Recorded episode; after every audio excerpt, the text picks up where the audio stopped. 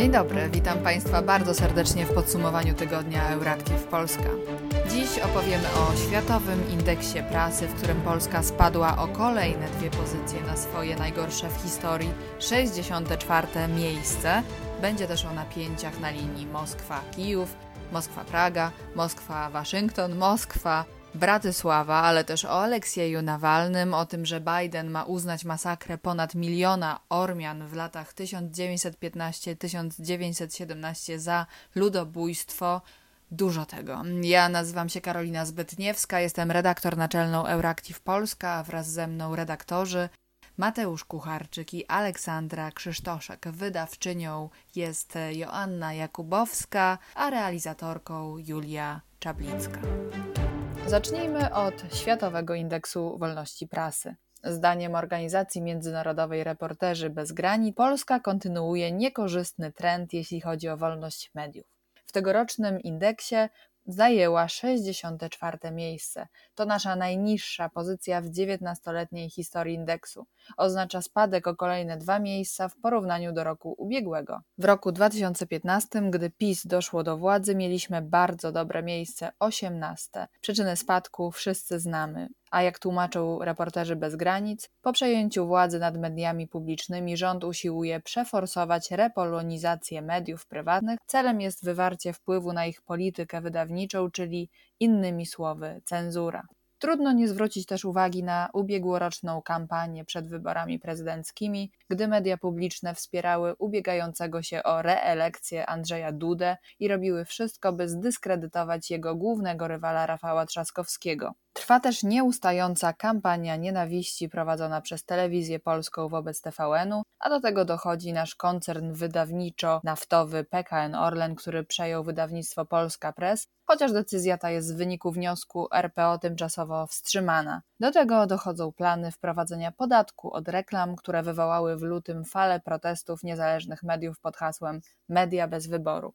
Zapytałam reporterów bez granic, dlaczego, mimo coraz bardziej zastiskającej się pętli na wolności polskich mediów, spadliśmy jako Polska o zaledwie dwa oczka. Organizacja odpowiedziała mi następująco. Jest to pozycja, z której nikt dbający o wolność prasy nie może być zadowolony. W Unii Europejskiej za Polską plasują się tylko Grecja, Malta, Węgry i Bułgaria. Dwa pozostałe kraje Grupy Wyszehradzkiej, Słowacja i Czechy, zajmują znacznie wyższe pozycje. Wraz z Węgrami i Słowenią polski rząd wykazuje obecnie wyraźną i zdecydowaną wolę polityczną dalszego systemowego ograniczania wolności prasy. Nie brzmi to dobrze, ale Olu, powiesz nam więcej, jak kształtuje się wolność mediów w Europie i na całym świecie? Już piąty rok z rzędu na czele Światowego Indeksu Wolności Prasy znalazła się Norwegia. Za nią uplacowały się Finlandia, Szwecja i Dania. Tak więc, jak widzimy, prymusami wolności mediów pozostają państwa nordyckie. Problemem, który stał się w tym roku głównym tematem do analizy dla reporterów bez granic, jest wpływ pandemii koronawirusa na wolność mediów. I tak organizacja wskazuje, że walka z pandemią stała się wygodną wymówką dla rządów, by ograniczać mediom, a w konsekwencji też obywatelom dostęp do informacji, a także do miejsc, z których dziennikarze mogliby tę informację uzyskać, np. do szpitali. W niektórych krajach wpływ pandemii na dziennikarstwo jest jednak poważniejszy niż w innych. I tak w przypadku wspomnianych przez Karolinę Węgier wskazano, że wykorzystując jako pretekst pandemię koronawirusa, rząd Viktora Orbana kontynuował rozszerzanie swojej hegemonii nad węgierskim rynkiem medialnym, inspirując do tego też inne państwa europejskie. Reporterzy bez granic zwracają uwagę, że prawo wprowadzone przez władze w Budapeszcie, rzekomo w celu uzyskania narzędzi do skuteczniejszego przeciwdziałania kryzysowi, doprowadziło do gruźb pod adresem dziennikarzy, którym zarzucano szerzenie dezinformacji. Inny przykład to również wspomniana Słowenia, gdzie premier Janes Jansza nie tylko atakuje media i dziennikarzy, ale już wzorem swojego sojusznika Orbana podejmuje kroki w celu przejęcia mediów publicznych i Państwowej Agencji Prasowej STA. Tam też w sprawę wmieszana jest pandemia, czego świadectwem są choćby ataki na dziennikarza freelancera i korespondenta Reporterów Bez Granic Blarza Zgagę, badającego jak rząd radzi sobie z koronawirusem. Jeszcze trudniejsza, a wręcz skandaliczna jest sytuacja dziennikarzy na Białorusi, zwłaszcza po ubiegłorocznych wyborach prezydenckich i fali protestów społecznych w ich konsekwencji. Białoruscy dziennikarze są zatrzymywani, służby stosują wobec nich przemoc fizyczną i odbierają im sprzęt. Do tego dochodzi wyłączenie internetu i blokada poszczególnych stron internetowych. Jak wskazała na konferencji związanej z prezentacją tegorocznego indeksu Światłana Cichanouska, organy związane z władzą zablokowały około 50 stron internetowych, a w więzieniu wciąż przebywa prawie 20 dziennikarzy. In our country, uh, journalists were detained 480 times last year, and uh, 97 journalists served administrative arrests. Uh, 50 media websites were blocked. Now, at the moment, 11 journalists in prison in Belarus, and uh, one of the journalists, Natalia was shot by police. Inne problemy związane z mediami, jakie zidentyfikowano w związku z pandemią, to narastająca polaryzacja społeczeństwa i dezinformacja, szczególnie w mediach społecznościowych. Te dwa zjawiska obecne są także w krajach, które są dobrze ugruntowanymi demokracjami, takich jak Stany Zjednoczone. W Stanach ta polaryzacja była szczególnie duża w związku z ubiegłorocznymi wyborami prezydenckimi, a popularność zdobywały teorie spiskowe dotyczące tak rzekomych fałszerstw wyborczych, jak i pandemii COVID-19 oraz szczepionek przeciwko tej chorobie. Skoro już wspominamy o szczepionkach, to hasłem tegorocznego Światowego Indeksu Wolności Prasy jest dziennikarstwo jako szczepionka przeciwko wirusowi dezinformacji. Trudno odczytywać inaczej to hasło niż jako aluzję do wybuchu pandemii i powstaniu szczepionek przeciwko COVID-19, a jednocześnie do szeroko rozprzestrzeniających się zmanipulowanych informacji i teorii spiskowych. Podkreślono, że dziennikarze, którzy starają się przekazywać rzetelne i pełne informacje i w ten sposób wypełniają swoją misję wobec społeczeństwa, są producentami tej szczepionki, jaką jest dziennikarstwo. Dziękuję Olu. Czas na Rosję, która zajęła 150 miejsce w tegorocznym indeksie wolności prasy na 180 krajów.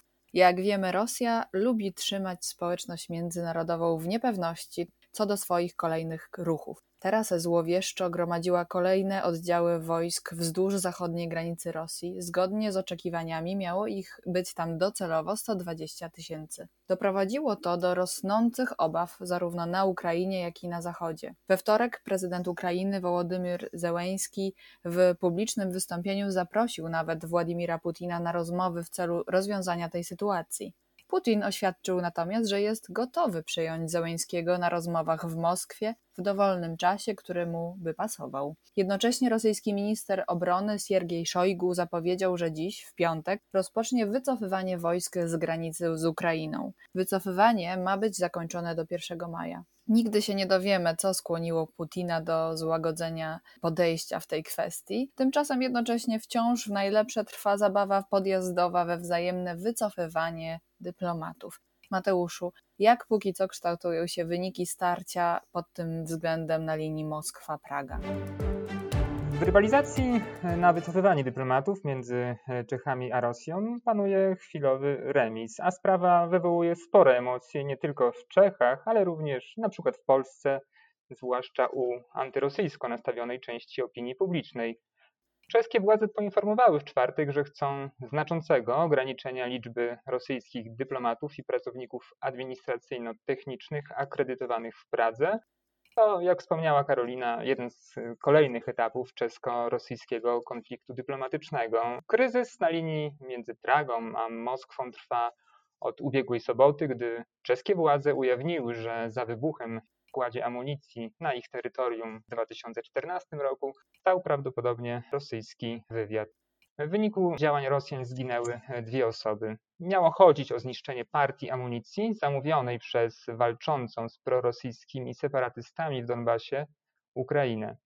W efekcie trwającego kilka lat śledztwa czeskie władze uznały za niepożądanych na swoim terytorium 18 rosyjskich dyplomatów. Jako ministr zahraničních věcí České republiky jsem se rozhodl vyhostit všechny pracovníky ruské ambasády v Praze, které byly našimi tajnými službami jasně identifikováni jako důstojníci ruských tajných služeb, tedy SVR a GRU. Do 48 hodin musí opustit Českou republiku 18 pracowników ruskiej ambasady. Moskwa, która odrzuca oskarżenia o udział jej służb w wybuchu, odpowiedziała wydaleniem aż 20 czeskich dyplomatów z Rosji. W efekcie w placówce w Moskwie pozostało tylko pięciu czeskich dyplomatów, w tym ambasador, oraz 19 pracowników obsługi technicznej. Rosja wciąż ma w Pradze 27 dyplomatów i aż 67 pracowników. Tak duża ich liczba jest związana z aktywną działalnością rosyjskiej placówki w Czechach, która uznawana jest za kluczową dla rosyjskiego wywiadu w krajach Unii Europejskiej. Dlatego Czechy chcą wyrównania liczby dyplomatów i pracowników w obu placówkach. Oznacza to, że Czechy będzie musiało opuścić aż 70 Rosjan. Decyzja władz w Pradze ma związek z ultimatum postawionym Moskwie, w którym zażądano zezwolenia na powrót do Rosji wszystkich w ostatnich dniach uznanych za persona non grata czeskich dyplomatów. Ultimatum upłynęło w czwartek, w samo południe, a władze rosyjskie nie zareagowały na nie. Rosja dostała na wycofanie swoich dyplomatów w Czech sporo czasu. Nie zażądano, aby wyjechali oni w ciągu przyjętych zwykle w tej sytuacji 48 godzin, ale mają na to czas do końca maja. Praga nie chciała eskalować sytuacji, ale z pewnością to nie ostatni akord sporu. Dodam, że w akcie solidarności z Czechami Słowacja też postanowiła wydalić rosyjskich dyplomatów, ale znacznie mniejszą ich liczbę trzech. I pozostając w Rosji, Aleksiej Nawalny jest w bardzo ciężkim stanie. Ludzie w kolejnych miastach protestują. Olu, co na to wszystko Kreml? Świat apeluje do Putina o pomoc medyczną dla Aleksja Nawalnego. Słynny rosyjski opozycjonista został ostatnio przewieziony z kolonii karnej do szpitala dla więźniów we Włodzimierzu z powodu gwałtownie pogarszającego się stanu zdrowia. Stan Nawalnego i jego lekarze określają jako bliski krytycznego. Wskazują m.in. na coraz wyraźniejsze symptomy ciężkiego niedomagania neurologicznego, stałe bóle pleców, utratę czucia w rękach i nogach, silny kaszel i ciągłe dreszcze, a także postępującą niewydolność nerek, bardzo niski poziom potasu i możliwość wystąpienia w każdej chwili zaburzeń rytmu serca. Według niektórych doniesień Nawalny miewał już problemy z mówieniem. Это не отменит того факта, что Алексея Навального убивают страшным способом на глазах у всех нас и перед каждым из нас. Хотим мы этого или нет, встает вопрос. Готовы ли мы сделать что-то, чтобы спасти жизнь человеку, который много лет ryskuje jej ради нас? Zdrowie opozycyjnego działacza, który ledwie zdążył dojść do siebie po ubiegłorocznym otruciu nowiczokiem, pogorszyło się też z powodu rozpoczętego przez niego przed około trzema tygodniami strajku głodowego. Grożono mu już przymusowym karmieniem, jeśli nie zacznie z powrotem jeść. Lekarze Nawalnego nie mają do niego dostępu, ale na podstawie wyników badań nie wzbraniają się już przed mówieniem o tym, że Nawalny może umrzeć w każdej chwili. Nie spodziewają się jednak, że otrzyma on we włodzimierskim szpitalu należytą opiekę, tym bardziej, że jak wskazuje współpracownik polityka Leonid Wołkow, otrzymuje on tam tylko kroplówkę z glukozą. Lekarze i współpracownicy Nawalnego piszą listy m.in. do Federalnej Służby Więziennej, domagając się dopuszczenia do niego niezależnego zewnętrznego lekarza. Natomiast ludzie kultury i nauki oraz przedstawiciele innych środowisk wystosowali ostatnio list do prezydenta Władimira Putina, w którym wnoszą o zapewnienie Aleksiejowi Nawalnemu koniecznej pomocy medycznej i podkreślają, że jako obywatel Rosji ma on prawo do badań i leczenia przez lekarza, którego wybrał i któremu może zaufać. Kreml odpowiada jak na razie, że stan Nawalnego jest stabilny. Jednak minister spraw zagranicznych Francji Jean-Yves Le Drian stwierdził ostatnio, że jeśli Nawalny zginie w więzieniu, to Unia nałoży na Rosję kolejne sankcje, odpowiedzialnością za tę tragedię obarczy Putina i rosyjskie władze. Szef francuskiej dyplomacji wyraził jednak nadzieję, że nie trzeba będzie się do tego uciekać. Tymczasem w dużych miastach Rosji odbyły się w środę protesty w obronie Nawalnego. Uczestnicy demonstracji żądali jego uwolnienia i udzielenia mu pomocy lekarskiej, a także uwolnienia wszystkich więźniów politycznych i dymisji Władimira Putina. Wykrzykiwano już znane od lat z antyrządowych protestów w Rosji hasło Putin wor,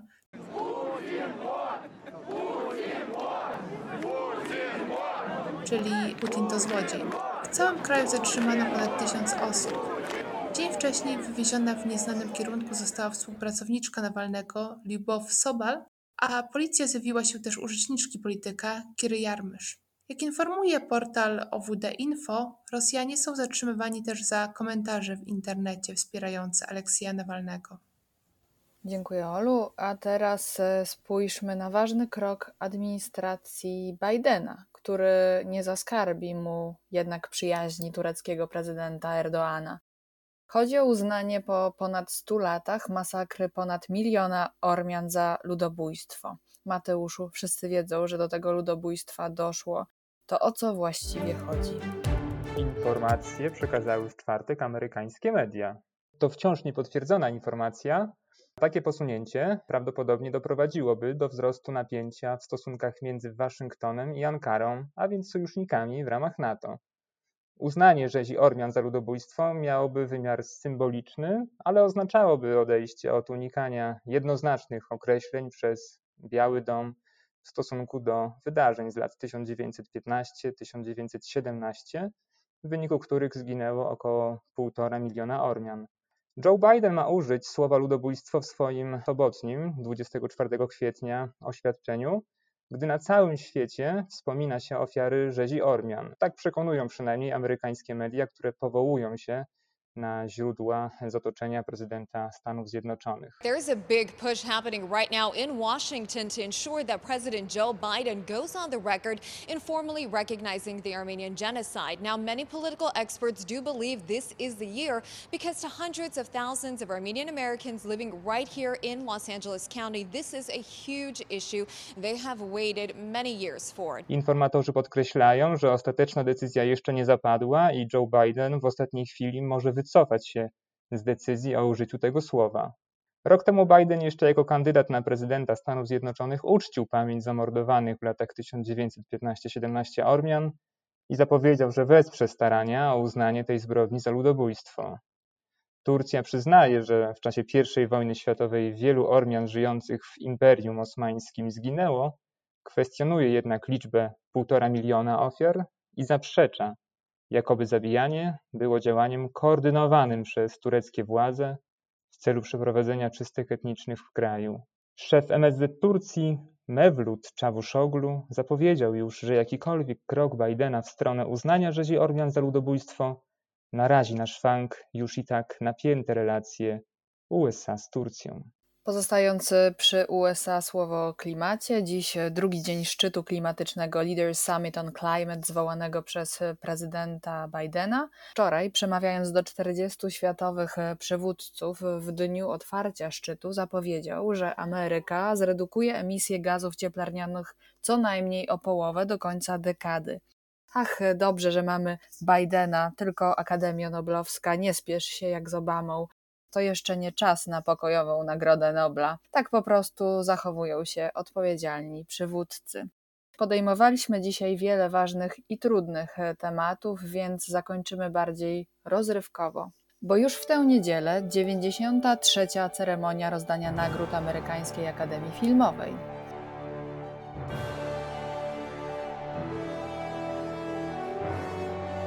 O miano najlepszego filmu ubiegać się będzie 8 produkcji, w tym nominowany w aż 10 kategoriach Mank, ale też Nomadland, Proces Siódemki z Chicago i Obiecująca Młoda Kobieta.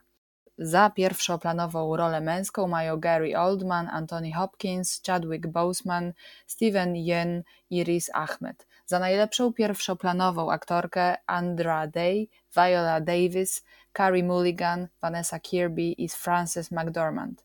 Będzie też polski akcent, bo Dariusz Wolski nominowany jest do Oscara za zdjęcia do filmu Nowiny ze świata. A teraz ciekawostka zwracająca uwagę na swoisty rodzaj nierówności w podejściu do wieku aktorek i aktorów. Otóż od prawie 100 lat, odkąd aktorzy w Hollywood otrzymują Oscary, kobiety laureatki prawie zawsze były młodsze od swoich kolegów. Średnia wieku wynosiła 37 lat dla kobiet, 45 lat dla mężczyzn. Ta różnica się zmniejsza bardzo powoli. Średnia wieku nominowanych aktorek w niedzielnej edycji rozdania Oscarów to 44 lata w porównaniu do 53 lat w przypadku mężczyzn. To wszystko na dziś, a ponieważ mamy Międzynarodowy Dzień Książki, życzymy Państwu wspaniałego weekendu spędzonego także na lekturze, ale też możliwości obejrzenia Oscarowych filmów już wkrótce bezpiecznie w kinach. Ja nie mogę się doczekać filmu Nomadland, który 19 maja ma mieć swoją premierę w Polsce. To do usłyszenia za tydzień przed samą majówką.